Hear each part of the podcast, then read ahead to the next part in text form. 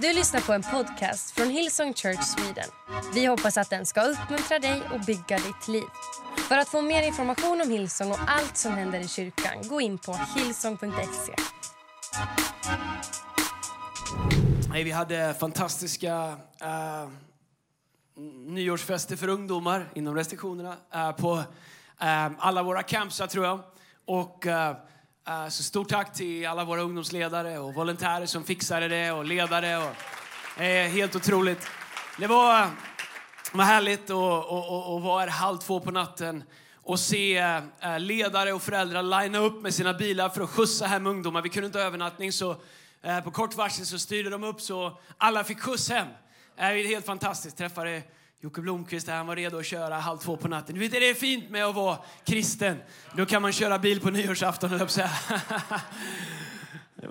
Några där som inte var där och körde.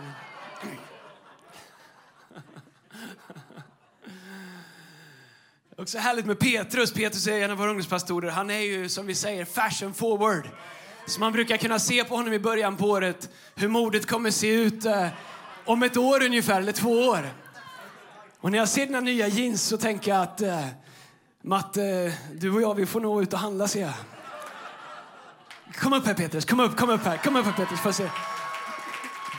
Är det, det, det är det här som är det nya alltså? Ja, jag tror det, jag försöker. Det är nice alltså. Matte, kom upp här du också.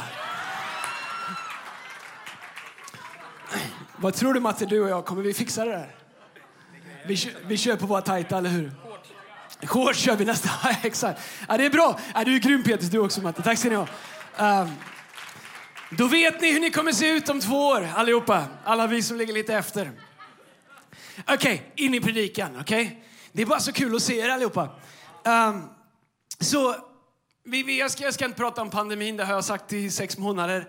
Vi är, vi är rätt trötta på den, jag är rätt trött på den. Den är vad den är. Vi har respekt för det. Men om jag tittar på att eh, om jag skulle predika någon form av predikan, att vi går in i ett nytt år, både vi som kyrka men också du uh, som, som person. Och när jag säger kyrka så, för mig så tänker jag alltid på dig. Jag tänker inte på det här först och främst, jag tänker inte på organisationen, jag tänker inte på logga, jag tänker på dig och på dig och på mig. Men, vi kommer ifrån, Äh, är ju två år som har varit ganska utmanande äh, att bygga kyrkan. Det var svårt att träffa människor, det var svårt att leda, det har varit svårt att ta hand om, det har varit svårt att äh, bygga, det har varit svårt att lära. Det var väldigt, väldigt annorlunda. Vi fick ingen förvarning, vi fick ingen träning. Ehm, men jag tycker ändå att utifrån förutsättningarna så är jag otroligt imponerad att se hur många människor har växt. Och jag tror för, för oss alla så har det också kanske lite grann satt fingret på hur vår relation med Jesus är när vi inte alltid får den hjälpen som vi är vana vid. När saker är lite annorlunda.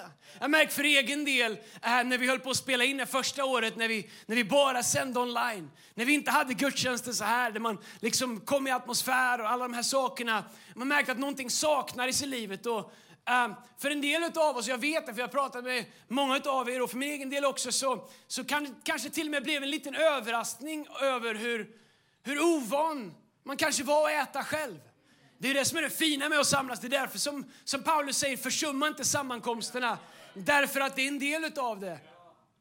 Um, men jag är övertygad om att även om vi kommer från en utmanande tid vad det gäller samhälle och för oss som individer, för företag, för, för kyrka och för alla möjliga så, så, så är jag övertygad om att 2022 kommer bli ett, ett fantastiskt år. Det kommer bli ett bra år. Därför att Gud han har planer för vårt år. Eh, och vi kan titta på allt som vi inte har, allt vi inte kan göra. Men egentligen det enda som är intressant är, vad vill Gud göra nu? Därför att Gud han arbetar alltid i kontexten av. Vi kan se det i Gamla Testamentet med Israels folk. Gud arbetade till och med i kontexten av slaveri, i kontexten av ökenvandring. Så Gud han arbetar alltid i kontexten av. Så vi måste passa oss att vi inte tänker vi ska vänta till det här tar slut så att vi kan. Vi ska vänta till att det här går över oavsett vad det representerar i ditt liv. Jag ska vänta på att den här säsongen tar slut så att Gud kan. Därför att Gud är en Gud som alltid arbetar i kontexten av där vi är nu. Och där vi är nu vill Gud alltid visa sig, vill Gud alltid arbeta och vill Gud alltid göra mirakler. Så jag tänker när vi går in i det här året för oss som kyrka så gör vi det med massa förutsättningar som är begränsade. Vi vet inte hur länge, men vi vet att Gud har en plan för att göra saker i kontexten av där vi är. Och vårt jobb som individer som kyrka är att zooma in på vad vill Gud göra nu? 2022 är ett vitt papper, men Gud han har bilden klar. Jag har aldrig gått in i ett år där det är så oklart. Hur ska vi planera? Vad ska vi göra? Hur kommer det se ut? Vad kommer vi göra? Hur kommer det ändras? Och, och det är ganska luddigt. Jag så, har sagt någon gång att det är liksom att lägga en, en straff på ett, mål, på ett mål som rör sig hela tiden. Du tar liksom sats och siktar på krysset. Högra krysset alltid. Så, men så flyttar sig målet. Och så ser det ut som du skjuter långt utanför. Du var på väg mot krysset men målet rör sig hela tiden. Men så är det inte för Gud. Gud är aldrig osäker. Gud är aldrig utan en plan. Gud har aldrig, all, Gud har aldrig, aldrig någonting på gång. Gud har aldrig, eh, är aldrig i en situation eller en position där han inte har förberett saker för oss. Bibeln säger att vi vandrar i hans förutberedda gärningar. Så det är superviktigt för oss att kalibrera våra förväntningar, kalibrera vad vi, ser, vad vi tror att Gud kan göra utifrån att Gud har en klar bild om vår framtid. Oavsett vilken situation du befinner dig i vad det gäller jobb, eller skola, eller ditt äktenskap, eller ekonomi eller vad du än gör. Så antingen så bestämmer du dig för att Gud har en klar bild. Även om du tycker mitt papper är vitt, jag vet inget längre. Eller så, så går du in i året utifrån jag vet ingenting, så jag ska bara play it safe eller jag ska bara stå stilla tills jag vet mer. Det fina med att följa Jesus är att han alltid är våran herde. Att han alltid leder oss till gröna ängar. Att han alltid för oss till vatten där vi finner ro. Att godhet och nåd alltid följer efter oss alla våra livsdagar, även de här livsdagarna. Så jag funderar lite grann på jul och, och, och, och um, efter några år och fundera, eh, ha tid att tänka på olika saker. Vad är, vad är vår kallelse i Hillsong? Vad är, vad är det, vad är, varför är vi här? Vad är det vi gör? Och Det finns mycket att säga om det. Men om jag skulle bara koka ner det till två saker. Eh, för dig som person och för mig som person. Så är det liksom två saker som en gungbräda. Som ibland verkar hopplösa att hitta balansen i. Och jag skulle vilja börja med vårt vision statement. Jag tror att vi har det här. To reach, vad, vad är vårt vision statement? To reach and influence the world by building a large, du läste rätt, large Christ-centered Bible-based church. Changing mindsets and empowering people to lead is a team. Nej, empower people to lead and impact in every sphere of life. Det betyder vart du än är. Det här är vårt vision statement. Det här är vad vi bygger, det här är vad vi ser, det här är våra DNA, det här är vårt fundament. Okay? Uh, eh, så vi har en dröm om att bygga en kyrka som är så stor att den inte går att ignorera. En kyrka som är så stor att människor säger, jag vet ingenting om Gud men jag vet att det finns en kyrka och det verkar som alla mina vänner som har varit där har fått någonting som de har velat ha kvar. Det är intressant nu när vi är runt och tittar på lokaler att det verkar som alla vet vilka vi är. En del, många tycker, de flesta tycker om oss, en del vet, är skeptiska. Men vår dröm har varit att bygga en kyrka som är så stor att den inte går att, inte en logga som är så välkänd, men en kyrka som är så stor att den inte går att ignorera. Så attraktiv att den inte går att stå emot. Som är full av hopp och full av liv. Som kommunicerar så att människor förstår. Det var det som var så fantastiskt med Jesus. Han tog det som prästerna hade krånglat till och han pratade om det så fiskare förstod. Han tog det svåra och han gjorde det greppbart. Han tog det som var oåtkomligt och gjorde det till varens, gjorde det till varens egendom som ville ta emot. Så kommuniceras folk förstår på platser där folk lyssnar. Du vet, eh, jag har egentligen, det här jag sätter bara upp min predikan. Du vet, eh, kristna älskar att prata paketering. Ska vi sjunga? Ska vi sjunga det? Ska vi sjunga det? Ska vi stå? Ska vi sitta? Ska vi göra det? Äh, allt det där är egentligen oviktigt. Så länge vi kommunicerar så att människor förstår vad evangelium är. Det är det enda som betyder någonting. Att vägen mellan en människa som inte känner Gud och en människa, eller förlåt, en människa som inte känner Gud och Gud, att vi gör allt vi kan för att skapa en bro så att människor förstår att de kan gå på den och komma till Gud. Det är det enda som håller värde i våra metoder. som är kreativ och nyskapande i sitt uttryckssätt. Där den värdefullaste tillgången, förutom Gud, är varje människa. Uh, som bygger nästa generation, som värderar den. En kyrka som växer med en person i taget och som bryr sig om en person i taget. Vi har ett statement som vi tror är mer än en slogan som säger vi bygger en kyrka som förvandlar en nation. Har vi gjort det? Nej, det har vi inte gjort, men vi är lite närmare idag än vad vi var för ett år sedan. Och vi kommer att hålla på, sen kommer vi lämna över till nästa generation så får de springa sin sträcka. Sen kanske kommer en generation till. Jag vet inte hur lång tid det kommer ta, men jag vet att det är vårt uppdrag. Och jag vet att det kommer krävas hårt jobb, osjälviska uppoffringar, trofasta givare och att var och en sätter helheten och andra för oss själva så som Bibeln säger. Så det är den ena delen. Allt Gud har kallat oss till att göra. Allt Gud har kallat oss till att göra. Var en stad på berget, predika ordet, bota de sjuka, eh, bygg församling, eh, skapa mer rum åt människor, utvidga tältpluggarna, tjäna Gud. Eh, allt det som Gud har kallat oss Det är den ena sidan, den är superviktig. Utan det blir det ingenting. Det blir ingenting av någonting. Men vi har också en dröm och ett uppdrag att bygga en församling som skapar lärjungar som gör att människor blir mer och mer lika Jesus. Vi behöver alla människor i team, men slutmålet för en människa som blir frälst är inte att hamna i team. Ju mer människor som är i team, ju enklare blir bördan för alla. Så jag vill att alla ska vara med i team, men du blir inte frälst för att vara med i team. Det är essensen av att du förstår att Gud han gjorde någonting i mitt liv, så nu vill jag tjäna honom. Du blir frälst för att bli en efterföljare till Jesus och bli en lärjunge till Jesus och spendera resten av ditt liv till att bli mer lik Jesus. Att det som är hans karaktär blir min karaktär. Att det som är hans personlighet blir mina frukter, andens frukter. Så vårt uppdrag är att hjälpa människor att bli lärjungar till Jesus. Att vandra med dem, att äta med dem, att, att spendera tid med dem, att läsa Bibeln tillsammans med människor. Att vara med i ups and downs och livets alla skeenden. Absolut att vi behöver människor i team, men vi vill ha lärjungar först och främst. Vi har också ett uppdrag att bygga en församling som får oss att växa i våran tro.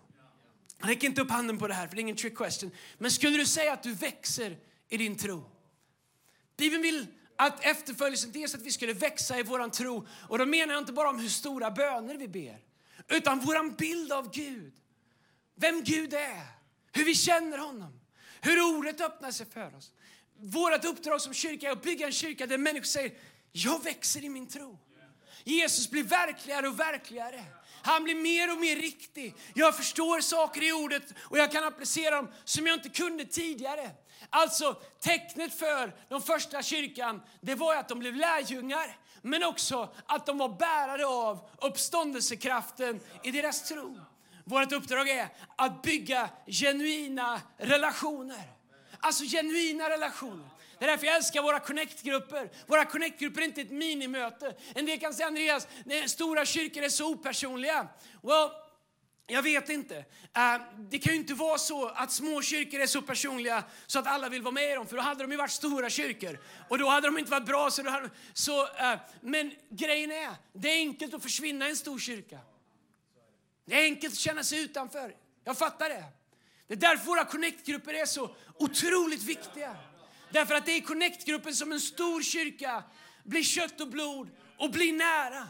Och de flesta människor som jag pratar med säger Andreas, jag känner inte att jag har några riktiga relationer i kyrkan. Har och, och de, det är människor som har valt att inte aktivt prioritera en Connect-grupp. Men jag vet människor som har levt med Connect-grupp som har sina bästa vänner där. Och det kanske inte händer dig första halvåret. Men en av våra viktigaste saker, Bibeln säger när världen ser hur vi älskar varandra ska de förstå att vi är hans lärjungar. Vi är också en kyrka som är kallade till att upptäcka och applicera Guds ord. I, i, i, ett, i ett samhälle och i, i en tidsålder där allas, alla liksom tankar räknas som samma och har lika värde. Och jag, jag, jag, förstår liksom poängen av att alla har rätt att tänka och alla har rätt att säga, alla har rätt att tycka. Jag tar inte bort det från någon. Men som efterföljare till Jesus så har jag böjt min egen vilja. Jag har tagit av mig mitt eget herravälde och jag har sagt att ordet är nu det som är ledande i mitt liv. Så vi vill bygga en kyrka där människor kan upptäcka och applicera Guds ord. Bygga sitt liv på Guds principer, bygga sitt liv på Jesu undervisning, bygga sitt liv på vad ordet säger och, och se ordet börja arbeta i oss, förvandla oss, men också arbeta igenom oss och producera igenom oss. En kyrka där vi blir mer lika Jesus. Och en kyrka där vi mer och mer och fler och fler upptäcker och uppfylls av Anden. Så det här skulle man kunna säga att det är de är inte motsatsförhållande. Bygga team, expandera, spänna ut tältdukarna, eh, du vet så här, ha fler möten. Eh, vi vill ju veta om vi blir fler eller färre så att vi kan bygga eh, en, en kyrka som kan ta hand om människor. Så ena sidan, expandera, nå fler, det missionala. Vi är en räddningsbåt, det har vi alltid sagt. Vi vill nå så många som håller på att drunkna. När jag, tänk, när jag tittar ut på 2022 så faktiskt jag, jag fick en bild, jag vet inte om det var en vision eller en dröm eller en profetisk syn eller om jag bara ätit för mycket julskinka. Jag är osäker. Men det var som att jag såg på 22 och jag såg vatten och jag, jag såg bara, bara massa människor ute i vattnet, men jag såg bara händer. Jag tänker på vår kyrka, att det finns så mycket vi måste jobba med i vår kyrka. Men jag ser också att medan vi gör det så är det människor som väntar på att båten ska gå ut och dra upp dem. Så därför måste vi, därför måste vi som kyrka, vi måste hantera båda. Och när vi startar vår kyrka kommer säkert predikan och det blir inte så långt för Lina sa idag på morgonen att nu är hon en bra pingstfru för hon skalade potatisarna innan vi åkte hemifrån i morse. det var du som sa det. Så eh, du vet, nu är vi riktigt frikyrkopastorspar. Jag rullar köttbullarna i förväg, de är infrysta. Hon har redan skalat potatisen. Hon har satt den på timer så jag vet exakt hur länge jag får predika idag.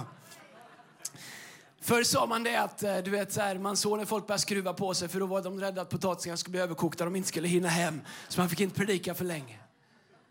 Men det här är vår utmaning. Vår kyrka föddes med en brutal längtan över att se människor räddade. Byggdes av människor, hundratals människor som gav upp mycket i deras liv och fortsätter, eh, många, och det blir fler och fler som gör samma sak. För att se människor räddade. För att vi skulle se så många människor som möjligt kunna komma ur vattnet i båten. En del säger Andreas, varför räknar vi? Därför att jag vill veta hur många, många händer som är där ute. Så att vi har plats i båten för dem så att ingen drunknar. Men andra sidan av det är att vårt jobb är inte bara att få dem i båten. Vårt jobb är inte bara att få dem att inte drunkna, vårt jobb är att hjälpa dem att lära känna Jesus. Att bli lärjungar, att bli efterföljare och att sen själva bli livräddare som fortsätter. Och det är en gungbräda som vi alltid, och, och vi har aldrig riktigt lyckats eh, balansera den. Därför att i grunden, några av oss som leder, kanske jag, ska inte skylla på andra, är kanske i grunden, du vet jag är wired som, okej, okay, du lever, du andas, du har åtminstone ett ben kvar, du får klara dig, jag måste hämta en till. Och jag, jag är stolt stolt över det. Samtidigt så är kyrkan mer än det. Det är det och det är andra saker också. Och när jag tänker på uh, det viktigaste av allt för vår kyrka. Vad är det viktigaste? Är det att bygga, stretcha, rädda så många vi kan? Eller att forma lärjungar långsamt som växer i sin tro, som blir lika Jesus, som, som upptäcker och uppfylls av anden? Vad är det viktigaste? Det viktigaste är både och. Det viktigaste är både och. Och det viktigaste är att, att vet, även om vi gungar upp och ner ibland på, på gungbrädan, att det finns en, en, en balans i det faktum att människor som blir lika Jesus kommer vilja göra vad Jesus gör. Utmaningen för oss när vi inte blir lika Jesus är att vi kommer aldrig vilja göra det Jesus gjorde och det Jesus har kallat oss till. Så låt mig ta med dig till en bibelvers. Äntligen säger någon lite bibel. Det är som en god vän till mig som är pastor säger, det enda gången predikan är högoktanig det när någon läser Bibeln. Och det kan ju finnas något i det. Lukas 10.38 så står det så här. När Jesus och hans lärjungar fortsatte sin vandring kom de till en by där de blev inbjudna av en kvinna som hette Marta. Marta hade en syster som hette Maria som slog sig ner vid Herrens fötter och lyssnade till hans tal. Men Marta var stressad av allt hon hade att uträtta. Därför gick hon fram till Jesus och sa, Herre, bryr du dig inte om att min syster har lämnat mig att göra allt arbete själv? Säg till henne att hon kommer och hjälper mig. Men Herren sa till henne, Marta, Marta, du gör dig så många bekymmer och oroar dig för så mycket. Men det finns bara en sak som behövs. Äh, gamla översättningen säger, bara en sak är nödvändig. Maria har valt det som är bäst. Gamla översättningen sa, Maria har valt den goda delen. Och det ska inte tas ifrån henne. Jesus är på väg in i ett hus, två systrar där, Marta och Maria. Maria sätter sig vid Jesus, lyssnar på honom, ställer frågor, umgås med honom. Marta tänker, Jesus är här, jag måste ju fixa. Jag måste ju betjäna honom, jag, måste, jag vill liksom hedra att jag har Guds son i mitt hus. Jag måste, och du vet, så här, kan inte Maria hjälpa till?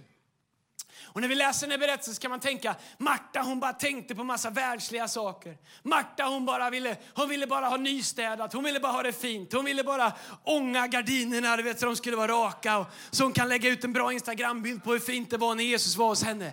Men Maria, hon brydde sig om sådana världsliga saker eh, som att det skulle vara rent, att det skulle finnas något att äta. Utan hon bara satte sig liksom som någon slags tjuren Ferdinand vid Jesu fötter och luktade på blommorna och vet så här, var som Maria. Det är ju det. Och, och, och faktum är att Jesus han säger att det är det viktigaste. Men vi kan också se att kvinnorna är också de som smörjer Jesu kropp. De är de som arbetar, de är de som tjänar. De är de. Så det, Jesus säger att vi, ska, att vi ska be skördens herre att han sänder vad då? Folk som kan sitta vid hans fötter. När han sa be att, att, att, att Herren sänder arbetare. Så du förstår att man kan inte rycka ur en sån här kont i kontexten och säga sluta stressa runt, vi ska inte göra någonting, vi ska bara vara. Om lärjungarna hade sagt vi ska bara vara, då hade de varit elva stycken. Och sen hade de dött. Men anledningen att vi finns här idag är att de bestämde sig för att bli lika Kristus och göra det Kristus hade kallat dem till. Både och. Båda två. Vem har rätt, Marta eller Maria? Båda två. Båda två har rätt. Marta valde bara fel ordning. Marta började bara i fel ände. Kanske var det så att om hon hade suttit där en stund så hade både Marta och Maria sagt, vet du vad, nu går vi och fixar middag, nu går vi och gör det vi gör, det här är underbart, nu har vi någonting att tänka på, det här kan vi liksom meditera över. Hörde du vad han sa Marta? Nu kan du, förstår du? Så det är inte så att Jesus säger att det är fel, det Marta vill göra. Hon säger bara, Marta du oroar dig över så mycket. Du drivs inte av rätt saker.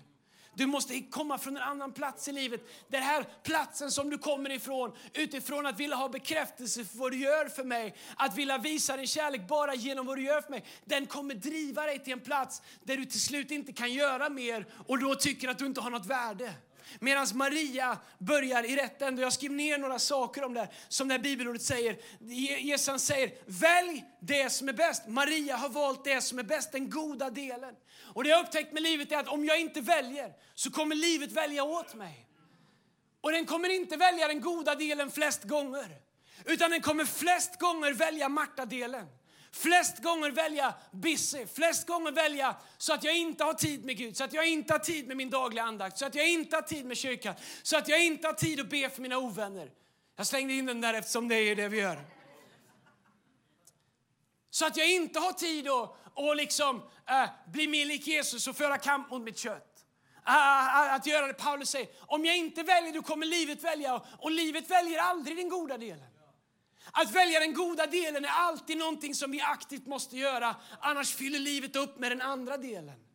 Alla de sakerna i andra delen är inte dåliga. Det är bara att när den goda delen inte är på plats först så kommer allt annat utifrån en, en, en liksom plats av, av kramp, en plats av fördömelse, en plats av prestation, en plats av... Förstår du? Eller, eller till och med om det kommer från goda intentioner så kommer den inte bära om du inte börjar vid Jesu fötter. Och Jesus, och Jesus säger Maria har valt den goda delen. Hon har valt det som är bäst och jag kommer inte ta det ifrån henne. När Maria tjänade Gud. Men jag säger bara en sak behövs. Vi hinner allt om vi bara väljer rätt. Om vi lär oss att göra saker i rätt ordning. Jag funderar på hur mycket i mitt liv som skulle hitta sin plats om jag la den första och den viktigaste stenen rätt varje dag. Jag undrar hur många saker jag jobbar med varje dag som att de, för att de ska hitta sin plats som egentligen är en produkt av att jag inte har gjort det viktigaste först. Att jag inte valde den goda delen först. Att jag inte satte Gud först i min dag, först i min vecka, först i min säsong, först i mitt äktenskap, först i mitt liv som förälder, först i min ekonomi. Och det här är en princip som man talar om att Maria, det är som att det säger, Maria börjar i rätt ände. Hon kommer hinna det du gör också, men hon börjar i rätt ände.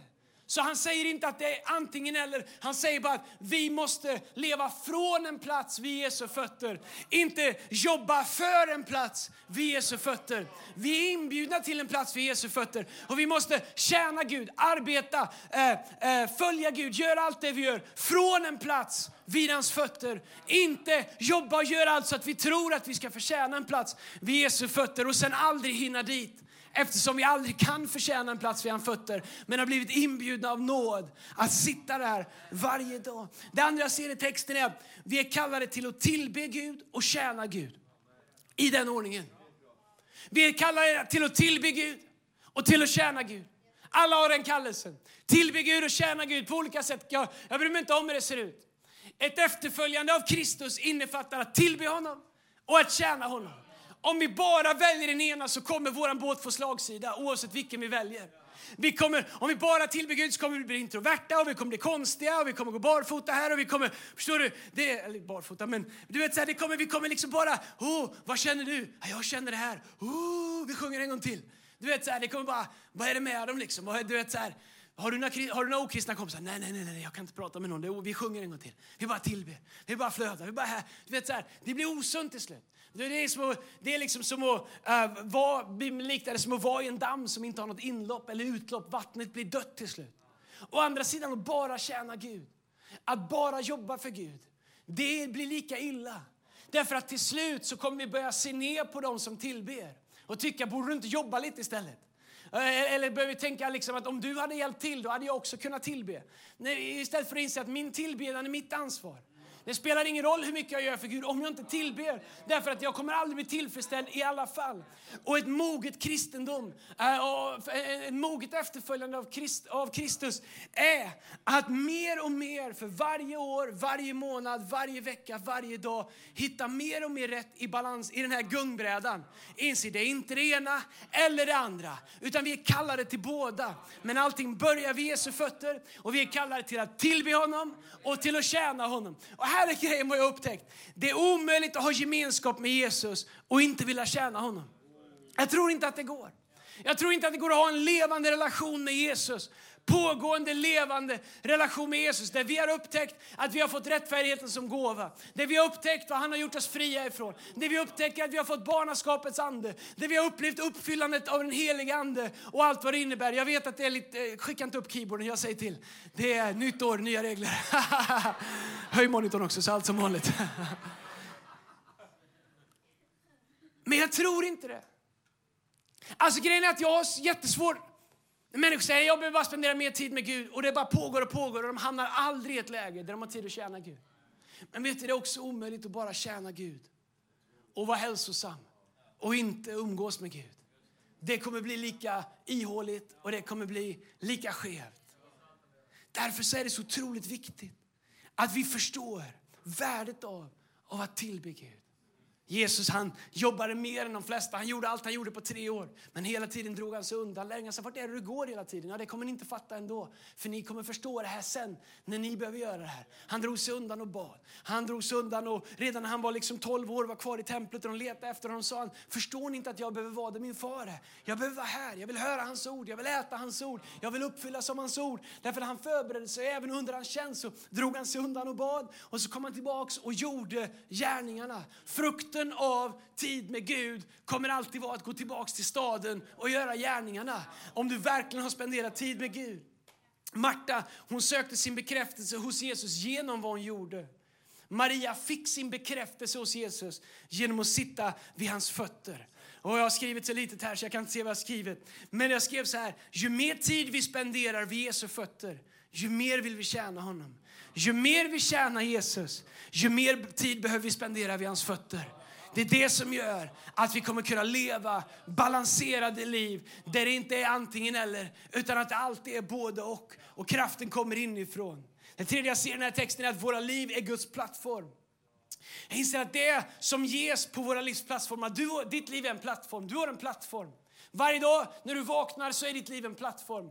Men jag inser också att allt av värde på min plattform är hämtat från det fördolda. Det vill säga att den som söker Gud i det fördolda ska bli belönad i det offentliga. Och du tänker ju, om jag ber om, eh, om en hundring i det fördolda så kommer jag få en hundring så alla ser det. Det är inte det vi pratar om. Han pratar om, han pratar om alla saker i livet i och för sig. Men han pratar om din kallelse, ditt livs plattform. Att det vi söker Gud i det fördolda, det vi söker Gud efter, det kommer Gud manifestera i det offentliga, i våra liv. Och vad skulle, tänk om vi skulle leva våra liv. Uh, och det är ju första predikan på det, så kan ni lika gärna mjölka det. Om vi skulle leva våra liv 2022 och bara bestämma oss att varje dag är mitt liv en plattform. Varje plattform, det här är en plattform. Den representerar att det kommuniceras ifrån den. Det, att det visuellt demonstreras härifrån, att det hörs, att det syns, att det märks, att du kan känna. Ditt liv är en plattform. Vad, vad, vad vill du bestämma dig? För att det ska komma från ditt livs plattform under det här året? Vad ska människor höra? Vad ska människor känna? Vad ska människor se? Vad ska människor uppleva från ditt livs plattform? Och grejen med Maria när hon går till Jesu fötter är att hon börjar med att fylla sin plattform med någonting så att hon sen har någonting att ge från sin plattform. Och om vi förstod att plattform, att få plattform i livet, det handlar inte om att komma upp här. Det här är en liten plattform. Den är stor utifrån ansvaret, den är stor utifrån vad den representerar, men den är bara några kvadratmeter. Men du förstår, ditt livs plattform, den är jättestor.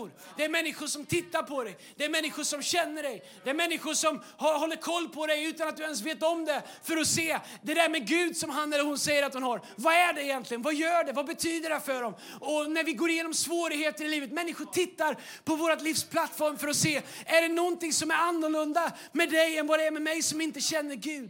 Men du förstår, om vi, när vi upptäcker värdet av tid med Gud, av att vara med Gud, så kommer Gud fylla vårt livs plattform. Och när Gud fyller vårt livs plattformar så kommer det förvandla människor. Och lyssna här, det kommer öppna dörrar för oss. Josef, jag har inte tid att predika där. Vi har inget kvällsmöte ikväll så jag har nästan lite sådana kvällsfeeling men jag kan inte gå till Josef. Men grejen är så här. Josef, han fattade i Puttifars hus att hans liv var en plattform. Även när det fördolda så vägrade han att devalvera sitt liv och vad det bestod av. Därför att han förstod värdet av sin plattform. Det gjorde att Puttifar såg vad han gjorde. När han var i fängelset så insåg han, jag sitter inlåst med mitt liv i en plattform. Utifrån min plattform så kan jag fortfarande betjäna de fångarna som behöver min hjälp. Vilket gör att han, människor får upptäcka vem Gud är. Men vet du vad det också gör? Det öppnar en väg för, för, för Josef. Hans livsplattform öppnar en dörr för honom som ingen annan fick därför att han förstod värdet. Så när du spenderar tid med Gud så kommer det både göra dig mer lik Jesus, men det Jesus börjar producera i ditt liv kommer öppna dörrar för dig som inte smartness, talang eller något annat kommer göra.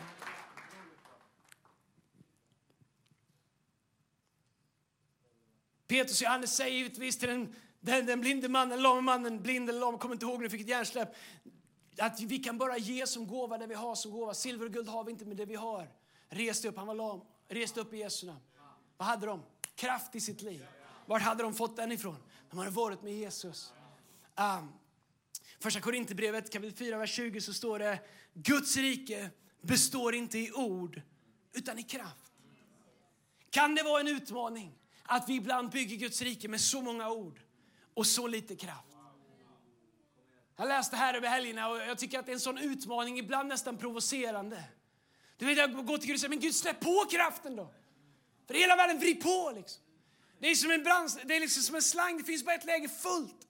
Ingen tar en trädgårdsslang och bara öppnar, ska öppna lite. Så, du vill ha tryck, eller hur? Jag vet inte varför vi inte ser mer mirakel. Jag tror att det sker mer mirakel än vad vi ser. Men jag vet att det finns så mycket mer.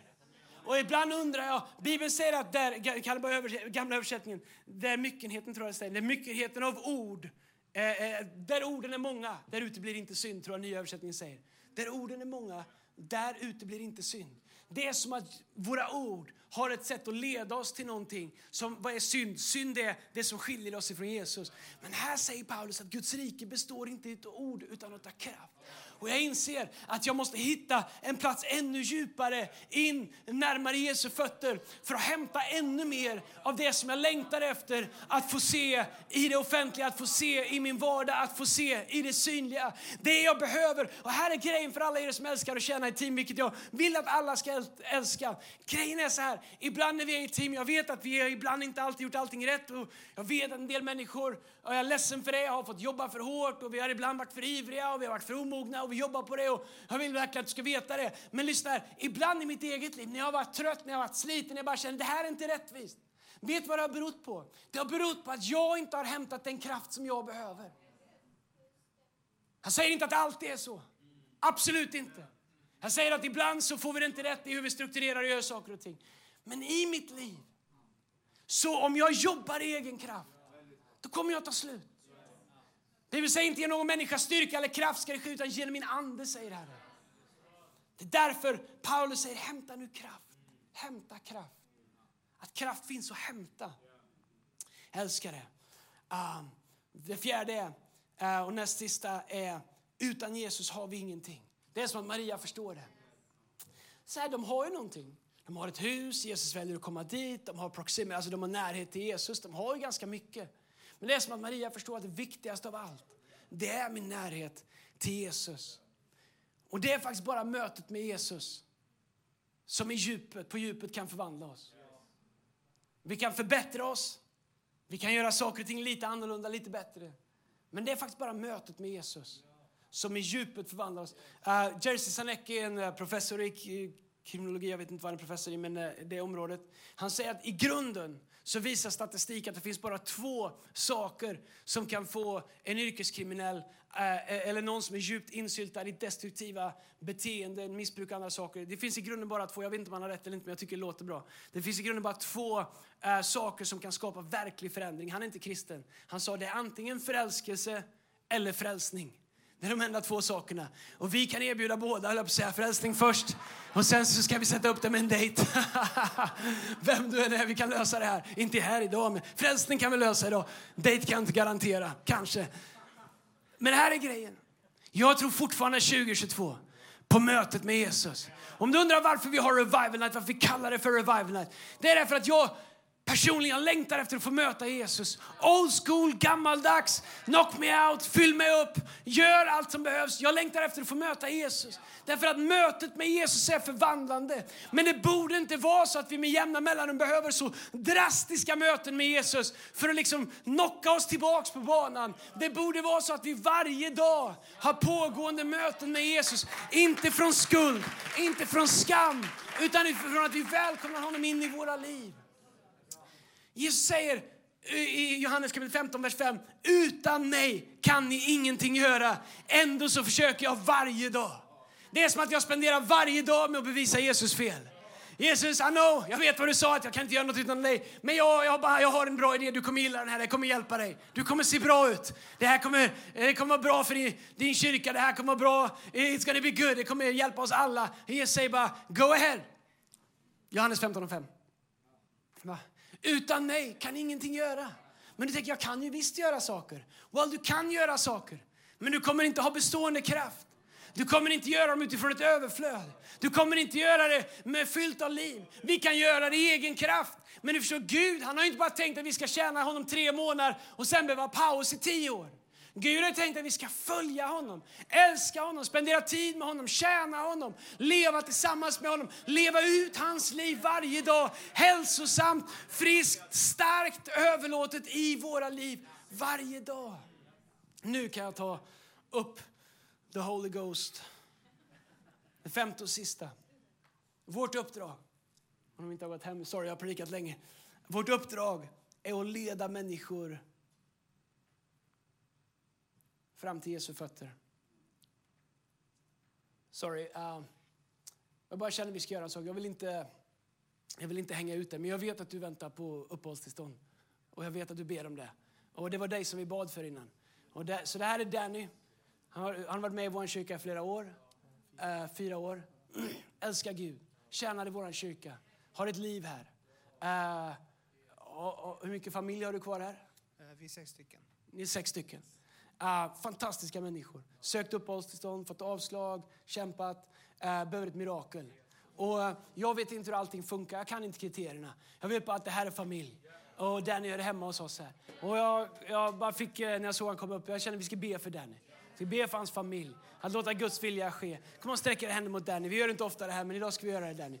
Fader, jag tackar dig för Dannys liv, Herre. Jag tackar dig för att han älskar dig, att han följer dig, att han, att han har lagt sitt liv i dina händer. Herre. Jag tackar dig för en familjemedlem som han är i vår kyrka. Herre. Jag tackar dig för den rikedom som han är här. Herre, jag tackar dig för det sätt som han tillber dig och leder oss inför tronen, Herre Jesus. Herre, jag tackar dig för det sätt som han tjänar dig, Herre. Herre, jag ber vad det än är, vad det än är som behöver ändras, vad det än är som behöver ske, Herre.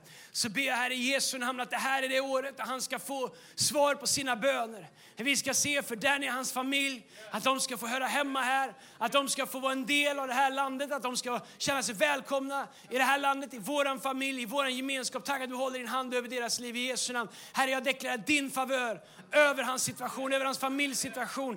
I Jesu Kristi Nazarens namn. Amen. Amen. Nu får du spela. Femte och sista.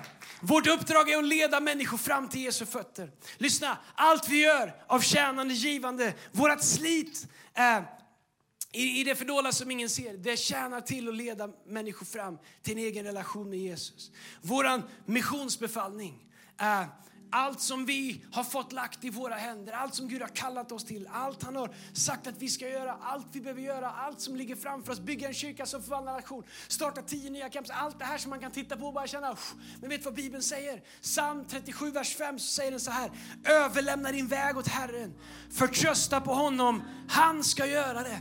Du förstår, det är en skillnad på att bära en vision för sitt liv, vilket jag önskar att ni allihopa gör. Det är skillnad på att bära en vision för sitt liv, än vad det är att bära bördan av att se till att det sker för sitt liv. För Bibeln säger att Gud ger dig en vision med ditt liv. Gud ger dig en kallelse. Gud han ger dig bilder, han kommer ge dig längtan. Han kommer lägga saker i ditt liv som håller uppe dig på nätterna, som får dig göra uppoffringar som andra inte förstår. Han kommer ge dig någonting att springa efter oavsett vilket område i livet det är. Jag pratar inte bara om att vara i kyrkan utan med ditt liv, med ditt livs plattform. Men lyssna, i det ögonblick när vi tänker jag ska göra det, jag ska göra det i egen kraft, jag ska få det att ske, jag ska jobba hårdare, jag ska nöta lite mer, jag ska banka mitt huvud i väggen ännu hårdare. Då har vi inte förstått allting som kommer ifrån Gud har Gud kallat oss att lägga i hans händer. Alltså ställ klockan, gå upp, grinda på, gör det, gör allt du kan. Men att få det att ske. Samtidigt 37, vers 5 säger överlämna din väg åt Herren. Förtrösta på honom, han ska göra det. När jag läste det bibelordet och jag läste i min devotion flera gånger här sista så funderade jag på så här, min bön har varit så här, Gud, vad behöver jag överlämna i dina händer så att du kan göra det? Vad håller jag fast i? Som jag kanske till och med tror att jag håller i för din skull. Som jag kanske till och med tror att jag håller i för det som du har kallat mig till. Eller vad håller jag fast i som du har kallat mig att förlåta någon för? Vad håller jag fast i av besvikelse av förflutet? Vad det än är, vad håller jag fast i som gör att du inte kan göra det? Vad är det jag håller fast i så att jag måste gå på min egen väg istället för den väg som du har kallat mig till? Överlämna din väg. Vet du vad det innebär? Överlämna ditt liv, din framtid. Ge det till Gud.